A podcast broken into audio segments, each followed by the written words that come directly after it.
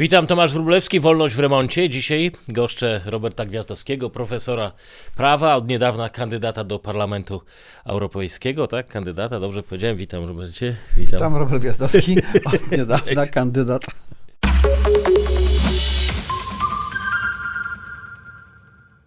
Takie hasło, z którym y, Robert podróżuje po Polsce, to jest czy Polacy mogą więcej zarabiać. Swoją drogą gratuluję pełnych sal. Na jednej byłem, rzeczywiście ludzie z entuzjazmem odpowiedź przyjmują, nie pytanie, bo na to pytanie sami sobie zadają. A pytanie, które ja zadam, to czy y, y, w tej dyskusji, która w tej chwili w Polsce jest dotyczącej y, Wierz Kaczyńskiego, seks afery Niesiełowskiego, KNF-u, NBP-u, tak naprawdę nie, to bardziej nakręca Polaków niż pytania o ich zarobki, bo sytuacja gospodarcza jest bardzo dobra.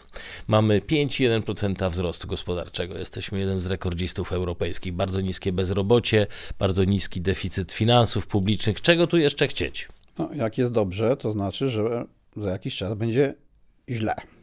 Nie wiemy tylko za jaki czas i o ile gorzej będzie. Ale zawsze jest tak, że im wyższy koń, na którym się jedzie, w tym wypadku wzrost gospodarczy, no, tym bardziej boli, jak się z niego spada. Więc trzeba starać się, żeby z niego nie spaść, albo przynajmniej mieć jakąś kamizelkę, żeby zamortyzować upadek. No właśnie, ale czy ten koń, na którym jesteśmy, jest rzeczywiście, to już jest, jesteśmy tak wysoko, że wyżej być y, nie może i zresztą tutaj tam powstała taka koalicja op, op, partii opozycyjnych, która mówi odbudowujmy nasze miejsce Polski y, w Europie. Jakby już o nic więcej nie trzeba było walczyć, tylko wróćmy do tego, co było. Nie O to, które mieliśmy za Sobieskiego? No bo to chyba ostatni raz mogliśmy pewne rzeczy narzucać Europie. E, W roku 2003, jak było referendum unijne, to lansowaliśmy następującą tezę, że między eurosceptykami i euro, euroentuzjastami jesteśmy eurorealistami. Że Europa nam nie da szczególnie dużo, o ile sami nie będziemy potrafili zadbać o swój interes. Jefferson, Jefferson słusznie mówił, że Pan Bóg pomaga tym, którzy potrafią pomóc sobie. Europa i Unia Europejska tak samo. Europa dała nam więcej pieniędzy niż cały German Marshall Fund całej Europie. E, problem polega tylko i wyłącznie na tym, że Europa daje przez jakiś czas, a potem trzeba płacić. Notabene my liczymy tylko i wyłącznie wpływy brutto, a powinniśmy policzyć sobie te wpływy netto. Jak policzymy, ile musimy wydawać na obsługę tego wszystkiego, to jest znacznie mniej. Aczkolwiek I ile z rzeczywiście, tego wraca potem, prawda? No. aczkolwiek rzeczywiście środki europejskie nam w wielu sprawach pomagają. Natomiast kto się liczy w Europie? No, Niemcy się liczą, bo mają silną armię, czy mają silną gospodarkę? Czyli ci, co dają, nie ci, co biorą. Więc my raczej powinniśmy koncentrować się na tym, żeby mieć silną gospodarkę. A jak się tworzy silną gospodarkę? No, kiedyś rzucono hasło, że trzeba ludziom dać y, nie rybę, tylko wędkę. Słusznie. Problem polega na tym, że dano ludziom wędkę, a nawet nie dano, powiedziano kupcie sobie, e, i dodano jeszcze, że trzeba dostać pozwolenie na łowienie ryb od państwa. No, to jest bez sensu. E, Wtedy, w trakcie tego unijnego referendum, mówiliśmy, zdobyliśmy samosierę, zdobędziemy i Brukselę. No tylko e, jakby szwoleżerowie Kozitolskiego musieli być w ZUS-ie, to pewnie nic by z tego nie wyszło. Czyli y, ZUS umożliwia nam budowę silnego miejsca w Europie, no żebyśmy tak przełożyli. No bo to ZUS uniemożliwia nam w dużym stopniu akumulację kapitału. E, Nie ZUS jako instytucja, e, tylko system emerytalny, źle skonstruowany. Mówiliśmy od samego początku, że ten system należy inaczej skonstruować, bo system emerytalny oparty na opodatkowaniu pracy powoduje, że praca jest droga. W momencie, gdy starzeje się społeczeństwo, to ta praca jest coraz droższa. W związku z tym ludzie netto mniej zarabiają. Jak ludzie netto mniej zarabiają, to nie mogą akumulować. Jak nie mogą akumulować, to nie mogą się bogacić. Jak ludzie się nie mogą bogacić, to państwo się nie bogaci i koło mamy zamknięte. No czyli y, trzeba także system podatkowy, nie tylko emerytalny. Ależ zmienić. z całą pewnością. No dobrze, ale tutaj y, jak słucham opozycji, ale także strony rządzącej, bo to są dwa, dwie teorie. Jedna, że musimy być bardziej proeuropejscy i udowodnić Zachodowi, że jesteśmy na Zachodzie, a nie na Wschodzie i ta druga, że no, y, my już jesteśmy na Zachodzie i tylko musimy twardo bronić naszych narodowych racji, nie dawać się y, spychać. Y, Że przede wszystkim to jest jakby kwestia pewnej retoryki, zmiany nastawienia w Unii Europejskiej, żeby Europejczycy w nas uwierzyli, a no, gospodarka to oczywiście pociągnie, bo dostaniemy na to pieniądze.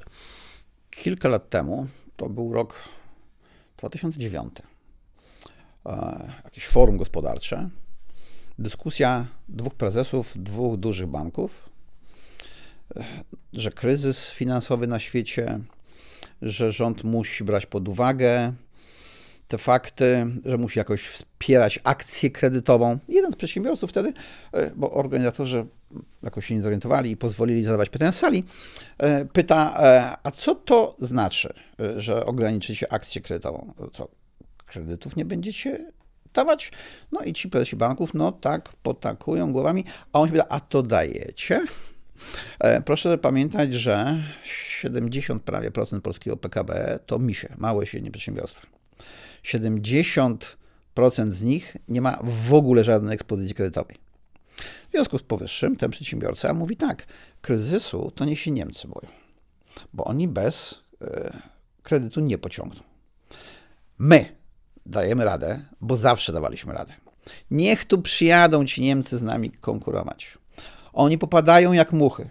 Oni przez pół roku sobie regonu nie załatwią.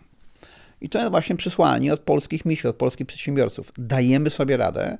Jak nie będziecie przeszkadzać, będziemy dawali sobie jeszcze lepiej radę. Sięgnijmy do czasów przed rewolucją francuską. Colbert się pyta tych przedsiębiorców francuskich, jak wam król może pomóc? A oni mu odpowiadają, nie przeszkadzaj. Laissez-faire, laissez-passer, pozwól nam działać. I to samo dokładnie jest u nas. Jak będziemy pozwalali działać tym przedsiębiorcom, to oni będą dawać sobie radę, bo nie mają wyjścia. No dobrze, mówisz tak, dlatego że teraz mamy e, koniunkturę. Fantastyczny e, rozwój gospodarczy, w dużej mierze dzięki koniunkturze w Niemczech, która jeżeli wierzyć pesymistycznym nastrojom wskaźników PMI będzie się e, gwałtownie pogarszała. W Polsce już się ten wskaźnik mówiący o optymizmie czy braku optymizmu e, obniżył. I jak nie będzie tego ssania dla polskich małych przedsiębiorców, to ta umiejętność w Regonie im nic nie pomoże już chyba. No to spójrzmy na dane z czasów kryzysu. E, Okazało się, że w czasie kryzysu Niemcy bardziej liczyli pieniądze. Czyli bardziej zwracali uwagę na cenę do jakości. No i tę relację potrafili lepiej e, wypełnić polscy przedsiębiorcy niż niemieccy. Polski eksport do Niemiec wcale e, się nie zmniejszył. To nie jest do końca tak, że lokomotywa niemiecka ciągnie nasz wagonik. Czasami to jest tak, że właśnie polscy przedsiębiorcy są w stanie wykorzystać niemiecki kryzys lepiej niż niemieccy przedsiębiorcy. Polscy dają sobie radę lepiej, ci mali i średni, niż niemieccy mali i średni. No bo oczywiście ja nie mówię o tych molochach, bo żaden z polskich e, wielkich, e, żadna z polskich wielkich firm do tej niemieckiej się nie umywa. No chyba, że jest niemiecka wielka firma w Polsce. No chyba, że jest niemiecka wielka firma w Polsce, ale dlaczego prowadzi w Polsce niemiecka firma działalność, a nie u siebie? No bo e, jesteśmy z jednej strony w centrum Europy bardziej niż Niemcy, bliżej do rynków rosyjskich, wschodnich generalnie rzecz biorąc, czyli transport łatwiejszy. Po drugie, no, mamy siłę roboczą.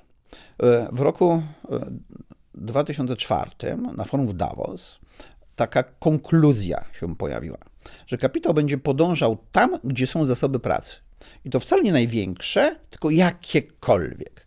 I właśnie dlatego kapitał teraz częściej patrzy na Afrykę, wcześniej podążył do Chin, a w Europie do Polski, bo tylko my mieliśmy po II wojnie światowej dwa wyże demograficzne. Jeden, tak jak wszyscy bezpośrednio po II wojnie, a drugi w czasach Jaruzelskiego.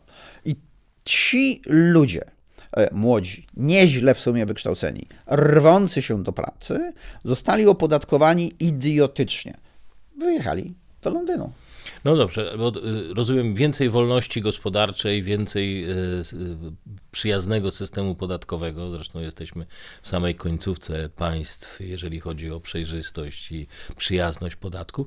Y, Ale ta demografia, no, no bo tego y, to ciężko będzie przeskoczyć tylko zmieniając y, system podatkowy. Jeżeli to jest ta nasza przewaga konkurencyjna i to ma budować nasze miejsce w Europie, no to samej demografii podatkami nie odbudujemy. No pewnie, że nie. E, Zwłaszcza, teraz już jest za późno.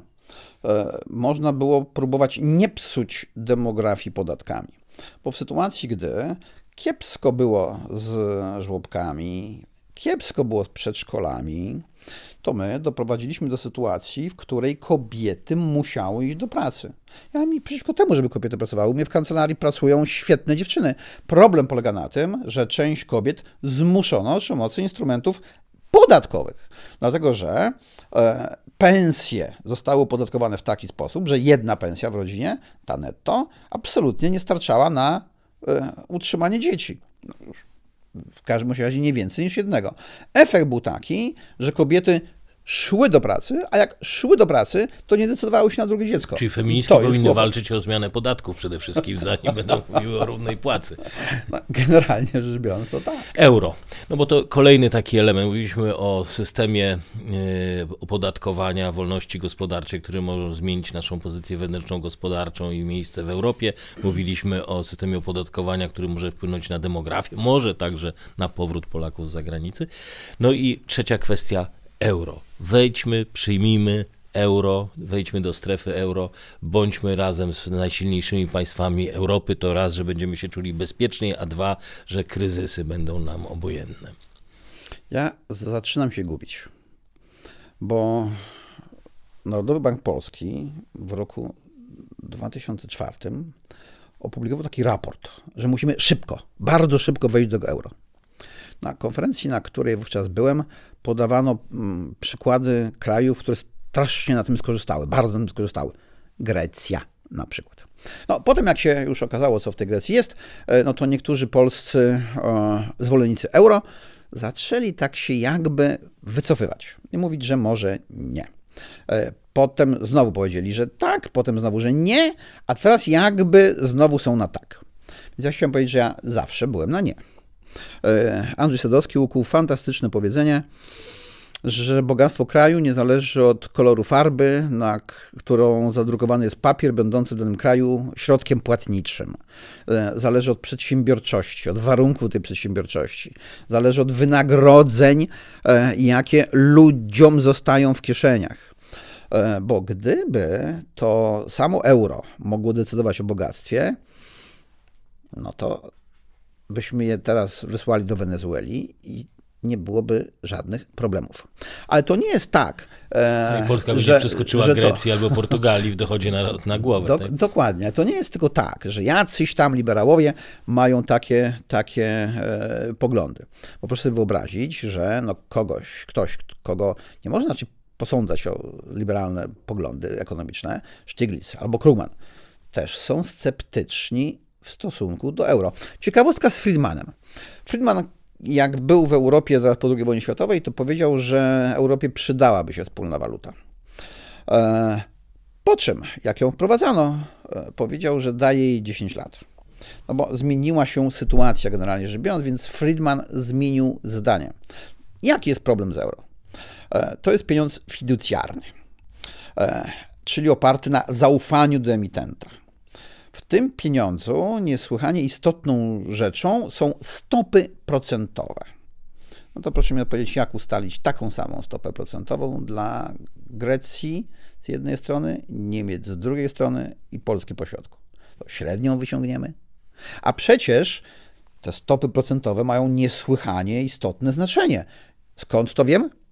No, ja tam nie podzielam specjalnie tego zdania, ale jeżeli w ciągu miesiąca gadamy przez dwa tygodnie o tym, co zrobi Rada Polityki Pieniężnej i o tym, co zrobiła Rada Polityki Pieniężnej, a Rada Polityki Pieniężnej najczęściej nic nie robi, to znaczy nie zmienia stóp procentowych, a jeżeli zmienia to e, o 0,25%, to, to o czym my mówimy? E, Jeżeli to jest rzeczywiście tak ważne, to nie da się mieć wspólnej waluty, prawda?